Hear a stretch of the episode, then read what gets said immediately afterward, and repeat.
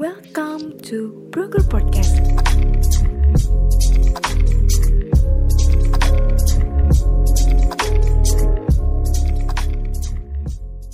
Halo guys, welcome to Broker Podcast, tempatnya kamu mencari informasi seputar pekerjaan, episode 35. Teman-teman semua, gimana nih kabarnya? Semoga dalam keadaan sehat dan selalu semangat ya dalam beraktivitas. Oh iya, kayaknya kita harus kenalan dulu nggak sih? Boleh deh, perkenalkan, nama aku Sabrina Tifla, aku biasa dipanggil Ririn nih, teman-teman. Nah, untuk beberapa menit ke depan, Ririn bakal nemenin kamu untuk bahas suatu topik yang menarik banget nih. Tapi sebelumnya, buat teman-teman yang lagi berproses untuk karirnya, baik seputar info tentang kerja dan layanan, yang bisa menunjang karir kamu bisa cek di IG kita yaitu @yasmin.or.id dan layanan ini gratis loh teman-teman. Nah, teman-teman sadar nggak sih untuk beberapa waktu terakhir magang dan kegiatan volunteer itu menjadi salah satu kegiatan yang sangat dicari dan diburu teman-teman. Ya nggak sih? Nah, pas banget nih teman-teman pembahasan kita kali ini akan berkaitan banget sama hal itu. Dan perlu teman-teman tahu, bisa lihat judul podcast kita yang episode 35 ini, yaitu Internship is More Than What You Think. Dan di podcast ini bakal bahas tentang magang itu bukan sekedar magang aja, ada hal-hal yang bisa kamu dapat di kegiatan magang nih teman-teman. Maka dari itu, yuk simak perbincangan kita kali ini karena nggak kalah menarik karena ada narasumber yang pasti sudah berpengalaman dan pernah mengikuti program magang nih teman-teman. Nah, mungkin aku mau mulai memperkenalkan narasumber keren kita. Yang pertama itu ada Kak Yohanes Haris yang biasa dipanggil Kak Haris. Kemudian juga ada Kak Lukas Peter yang biasa dipanggil Kak Lukas. Dan ada juga Kak Nafisa Aisyah yang biasa dipanggil Kak Nafisa. Halo guys, gimana kabarnya? Halo. Halo, baik, baik. Baik. Alhamdulillah pada baik semua nih ya. Nah, jadi kakak kita ini itu merupakan peserta magang dari Yasmin juga loh teman-teman. Mungkin ya untuk mengawali uh, perbincangan kita kali ini bisa dong perkenalan singkat dari kakak-kakak semua uh, yang lagi magang di Yasmin ini. Nah, mungkin bisa dimulai dari di Yasmin kakak sebagai apa, terus dari jurusan dan univ mana, terus juga mungkin bisa cerita mengenai pengalaman magangnya ke teman-teman serta motivasi kakak untuk mengikuti magang ini. Nah mungkin aku pengen mulai dari Kak Haris sih. Halo Kak Haris. Oke, halo Sabrina. Gimana kabar Sabrina? Alhamdulillah baik Kak. Semoga Kakak juga baik ya Kak. Ya baik, puji Tuhan.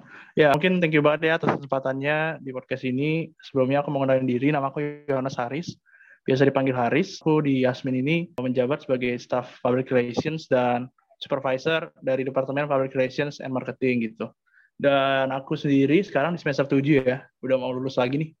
Udah lulus aja lah, pokoknya lagi hektik-hektiknya nih semester 7 nih. Terus aku dari UPN Jogja, aku kuliah di UPN Jogja semester 7 dan dari jurusan Public Relations juga gitu. Terus motivasi aku magang ya sebenarnya.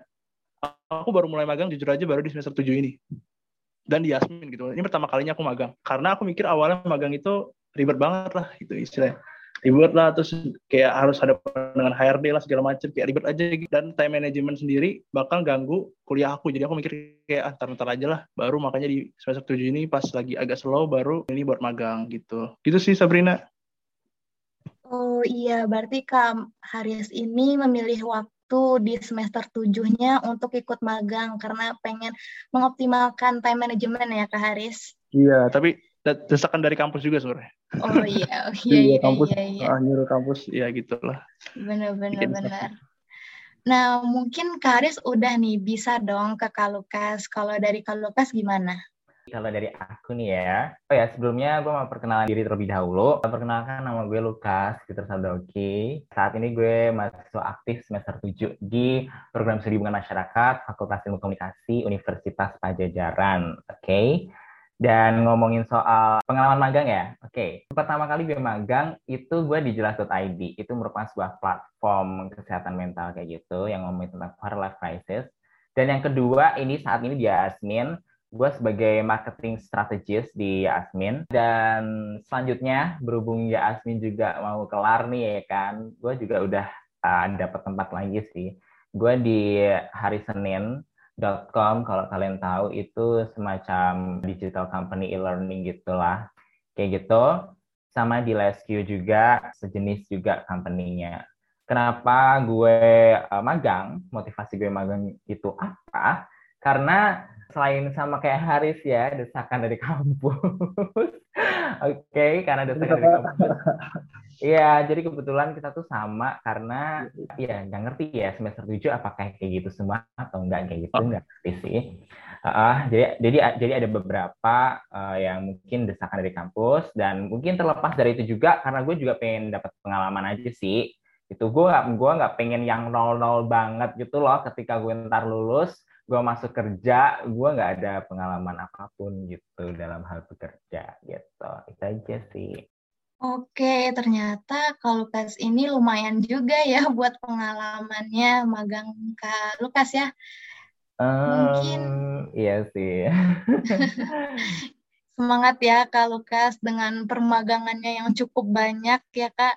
Iya, nah, iya. mungkin bisa lanjut ke Kak Nafisa kali ya, memperkenalkan dan membahas tentang magang-magang Kak Nafisa nih. Oke, halo Ririn, halo teman-teman semuanya. Kenalin, aku Nafisa Aisyah, biasanya dipanggil Nafisa. Aku tuh saat ini semester 3 jurusan manajemen di Universitas Sumatera Utara. Nah, saat ini tuh aku lagi magang di Yasmin sebagai Nano Ambassador Batch 5. Nah, selain di Yasmin, aku tuh juga ikutan magang di uh, Teman Ambis, bagian Financial and Partnership, terus juga jadi ambasador dari Eduship Forum, gitu Rin. Oke, berarti sekarang kita udah saling kenal lah ya dengan narasumber kita semuanya. Nah, aku pengen memulai nih sesi sharing kita kali ini. Mungkin bisa dari Kalukas dulu ya.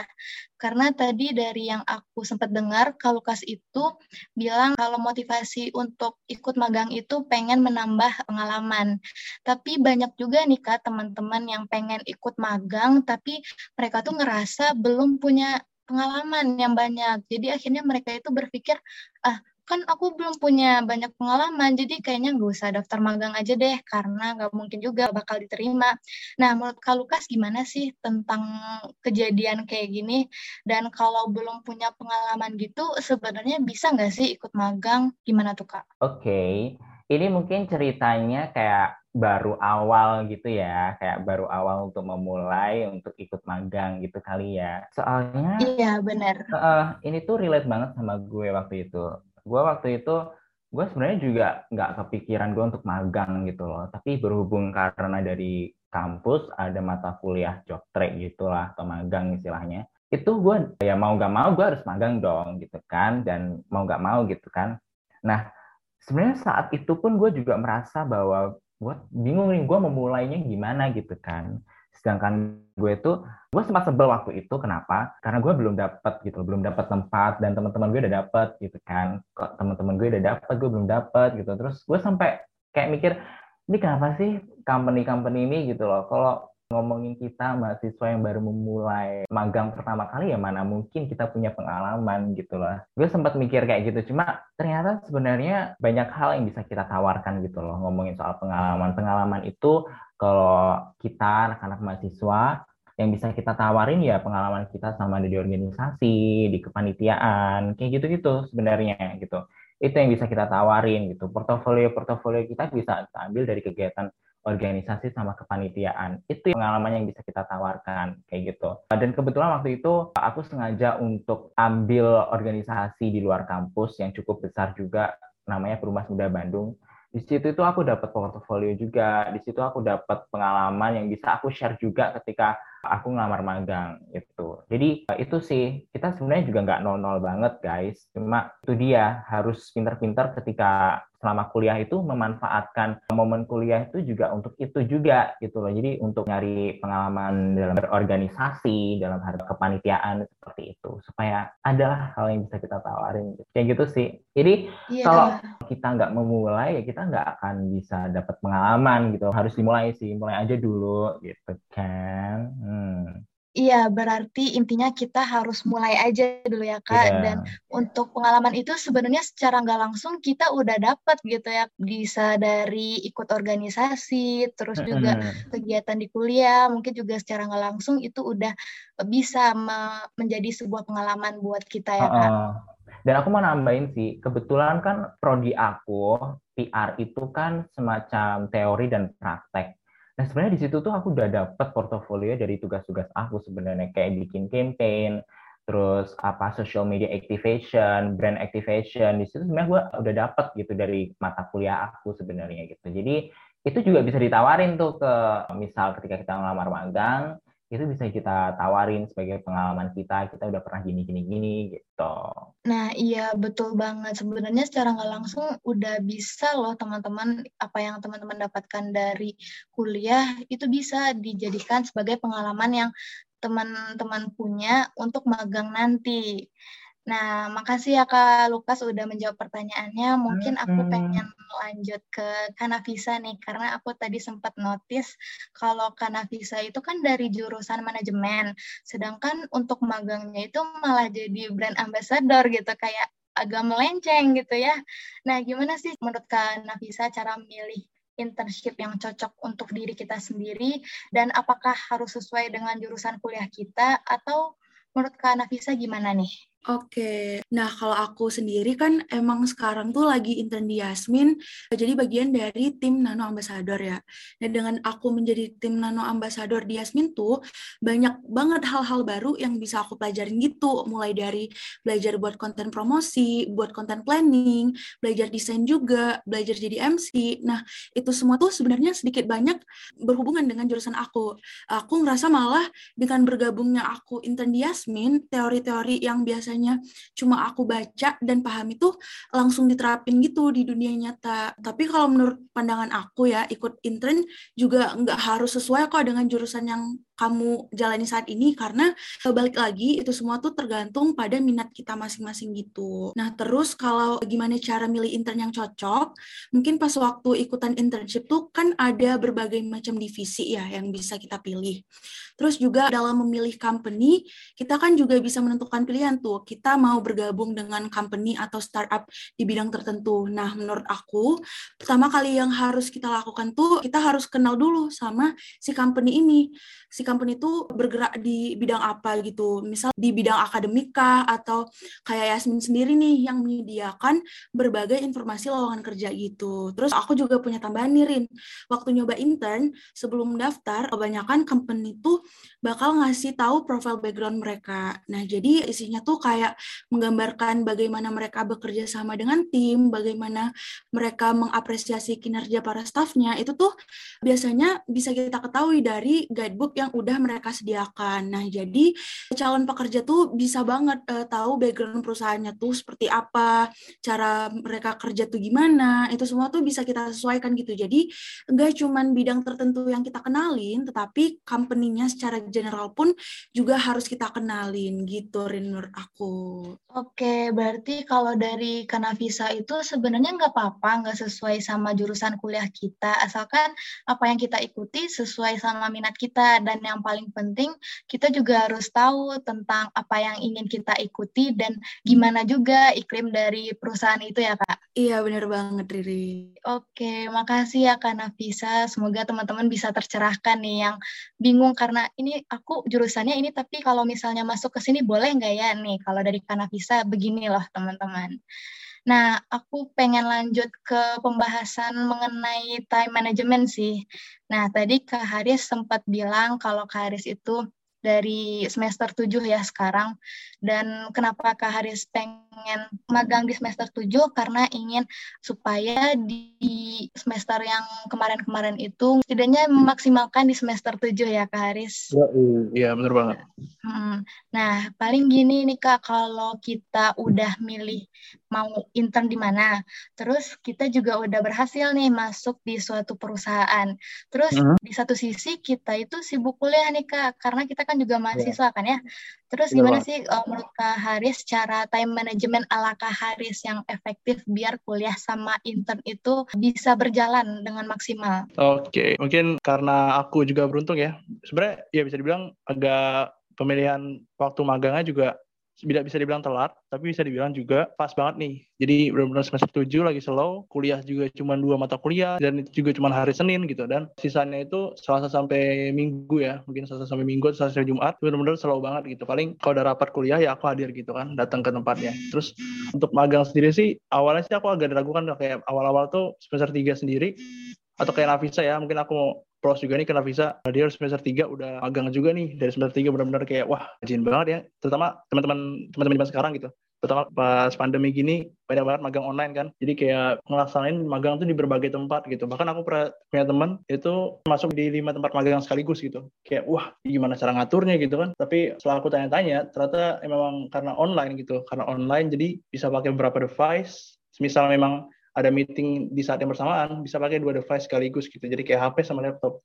Terus kayak benar-benar harus belajar multitasking juga gitu. Dan harus benar-benar fokus ke dua hal itu. Jadi benar-benar ngasah diri sendiri juga buat lebih fokus lagi gitu Terus kalau soal time management sendiri ya, aku sendiri pribadi mungkin ini tips aja dari aku. Memang time management itu misal memang kamu di situasi kayak aku kayak misalkan lagi sibuk kuliah juga ya kayak uh, teman-teman yang di semester 7 ke bawah gitu kan semester 6, semester 5 itu kan banyak banget mata kuliah atau ujian-ujian atau tugas-tugas gitu dari kuliah juga. Mungkin dan pas banget lagi ya dan lagi ya, lagi intern juga tuh teman-teman bisa banget bangun tuh harus pagi lah maksimal itu pasti minimal bangun pagi pagi gitu jam 8 bangun pagi terus kalian cek dulu nih HP buka HP dulu ada apa nih yang yang benar-benar urgent duluan? Misalkan memang hari itu hari itu ada kuliah ya kalian kuliah dulu. Kuliah kan masih online juga kan kuliah dulu. Terus sambil ngecek ngecek HP juga tuh ngecek ngecek HP kalau misalkan ada info buat hal yang urgent itu misalkan kalian dihubungin sama siapa sama departemen mana terus hubungin kalian eh, dan hal yang urgent tapi bisa diselesaikan secara secara cepat gitu. Kalau aku pribadi langsung kayak akuin kayak ah ini bisa aku selesaikan sekarang nih ya udahlah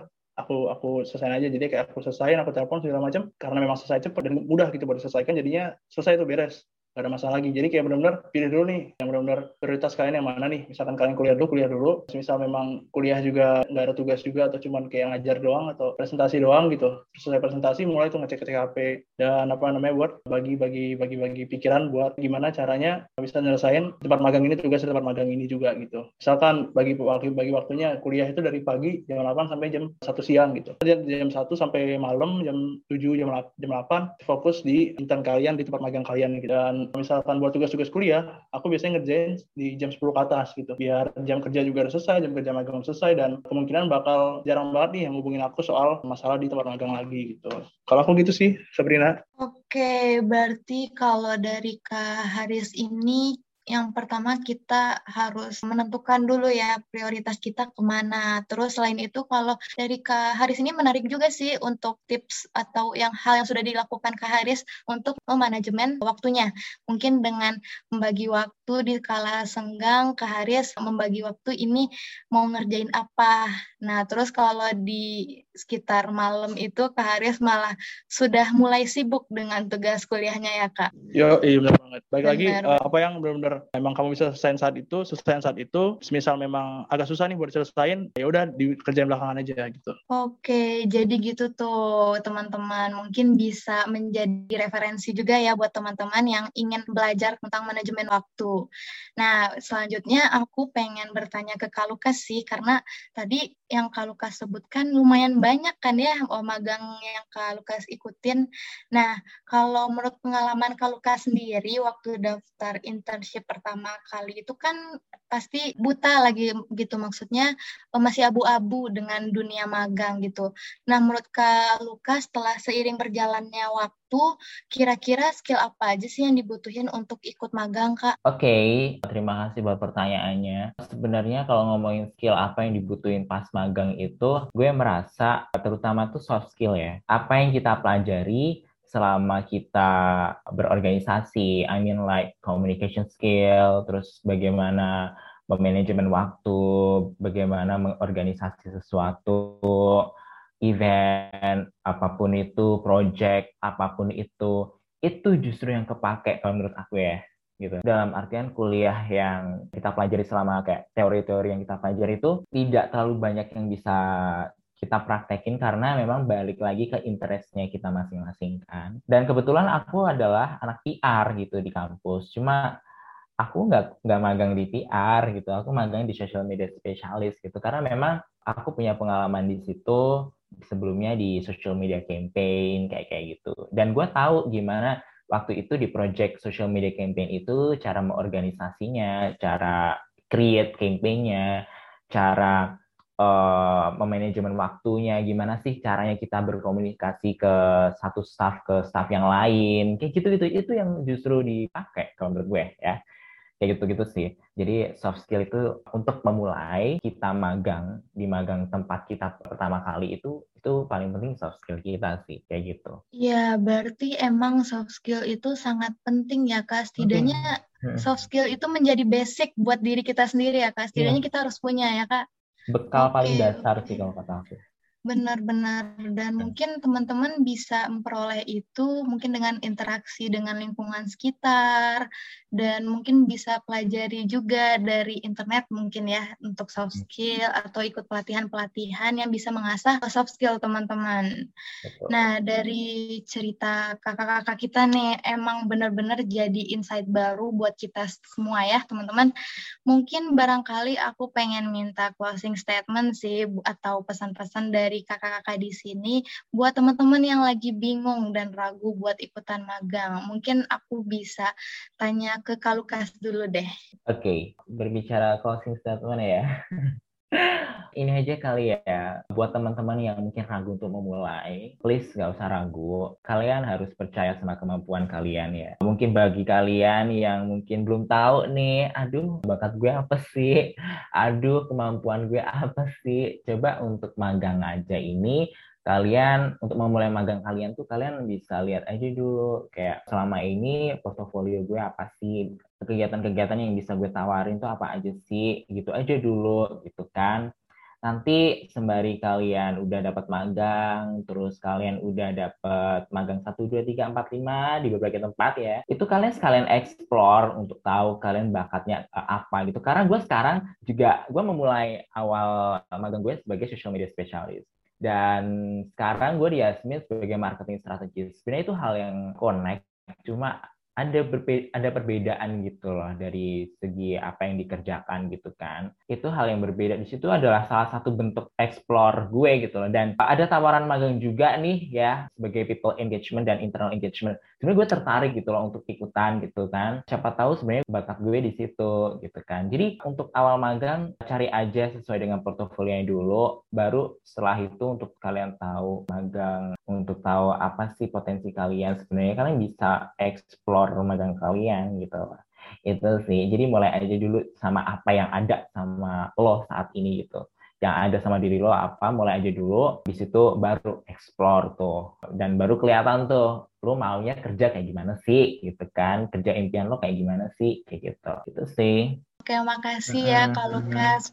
Paling kita bisa lanjut dari Kanavisa gimana nih Kanavisa? Oke, kalau closing statement dari aku buat Sobat Yasmin nih buat para pemburu intern, yang paling penting jangan pernah takut buat nyoba gitu. Karena apa pun yang kita pilih, pasti ada pembelajaran tersendiri nih yang bakal kita dapetin. Nah, pembelajaran itu tuh nggak cuman pas kita udah resmi masuk jadi bagian dari suatu company aja, tetapi mulai dari kita daftar, masuk ke tahap seleksi, tahap penugasan, nah di situ tuh kita udah dapet banget pelajaran tersendiri gitu. Kita jadi tahu tuh kalau di bidang ini tuh job overview-nya tuh kayak gimana. Jadi ketika kita tidak keterima pun, kita udah mendapatkan pembelajaran yang mana nggak semua orang dapat gitu. Jadi kita udah selangkah lebih maju nih dari orang-orang yang belum mencoba magang sama sekali. Dan pastinya bakal jadi nilai plus banget buat kita. Kemudian juga kita harus memantapkan hati nih dan menguatkan niat karena internship tuh nggak main-main teman-teman. Itu tuh bisa jadi personal branding kalian karena kita nggak tahu ke depannya bisa aja partner kita di intern yang sekarang tuh bakal jadi partner kita di masa yang akan mendatang di company yang besar gitu kan. Mungkin yang tadinya beda divisi waktu intern bisa jadi satu divisi di dunia pekerjaan yang sesungguhnya. Jadi buatlah kesan yang baik selama intern dan berikanlah kinerja kalian sebaik mungkin gitu sih kalau dari aku Ririn. Oke, keren banget sih closing statement dari Kak Nafisa. Mungkin kita bisa beralih ke Kak Haris. Boleh Kak Haris? Oke, kalau dari aku ya mungkin penutup biar kata kata Kak Lukas dan Kak Nafisa juga harus berani mencoba dulu nih buat teman-teman. Buat sobat admin pendengar podcast ini nanti ya dan para mahasiswa juga terutama yang kayak aku juga misalkan belum belum ada pengalaman sama sekali nggak apa coba dulu aja coba dulu. Siapa tahu kamu dapat pengalaman yang lebih lebih dari waktu kamu kuliah atau organisasi di dunia kampus gitu, dunia perkuliahan gitu. Dan bener banget kata Nafisa tadi juga, ketika kamu ikutin atau apply ke magang tadi, misal dapat kayak penugasan atau misalkan langsung di interview dan berhadapan dengan HRD langsung, itu benar-benar kayak nambah insight kalian, nambah pengetahuan juga dan nambah kemampuan juga nih kalau gambaran dengan dunia kerja tuh oh kayak gini ya dunia kerja itu dan misalkan kalian nggak diterima pun bisa kalian gunain lagi perbaikan atau misalkan ada kesalahan dari kalian bisa bisa jadi pengalaman dan perbaikan buat apply di magang selanjutnya dan pasti kalau kalian tetap coba dan nggak pantang menyerah juga dan tetap evaluasi terus diri kalian pasti aku yakin banget pasti kalian bakal dapat apa yang kalian ingin dan bisa lolos juga di interview atau magang selanjutnya gitu. Oke, mantep banget sih closing statement dari Kak Haris. Nah, gimana nih teman-teman? Semoga sharing kita kali ini bisa jadi referensi atau masukan buat teman-teman yang lagi mempertimbangkan mau ikutan magang atau enggak ya. Nah, buat teman-teman yang ingin tahu info menarik lainnya, jangan khawatir karena Broadcast Podcast bakal up tiap minggu ya, teman-teman. Tetap semangat dalam menjalani aktivitas. Terima kasih udah dengerin Broadcast Podcast episode 35 kali ini hingga akhir. Sampai jumpa di podcast selanjutnya. Bye-bye.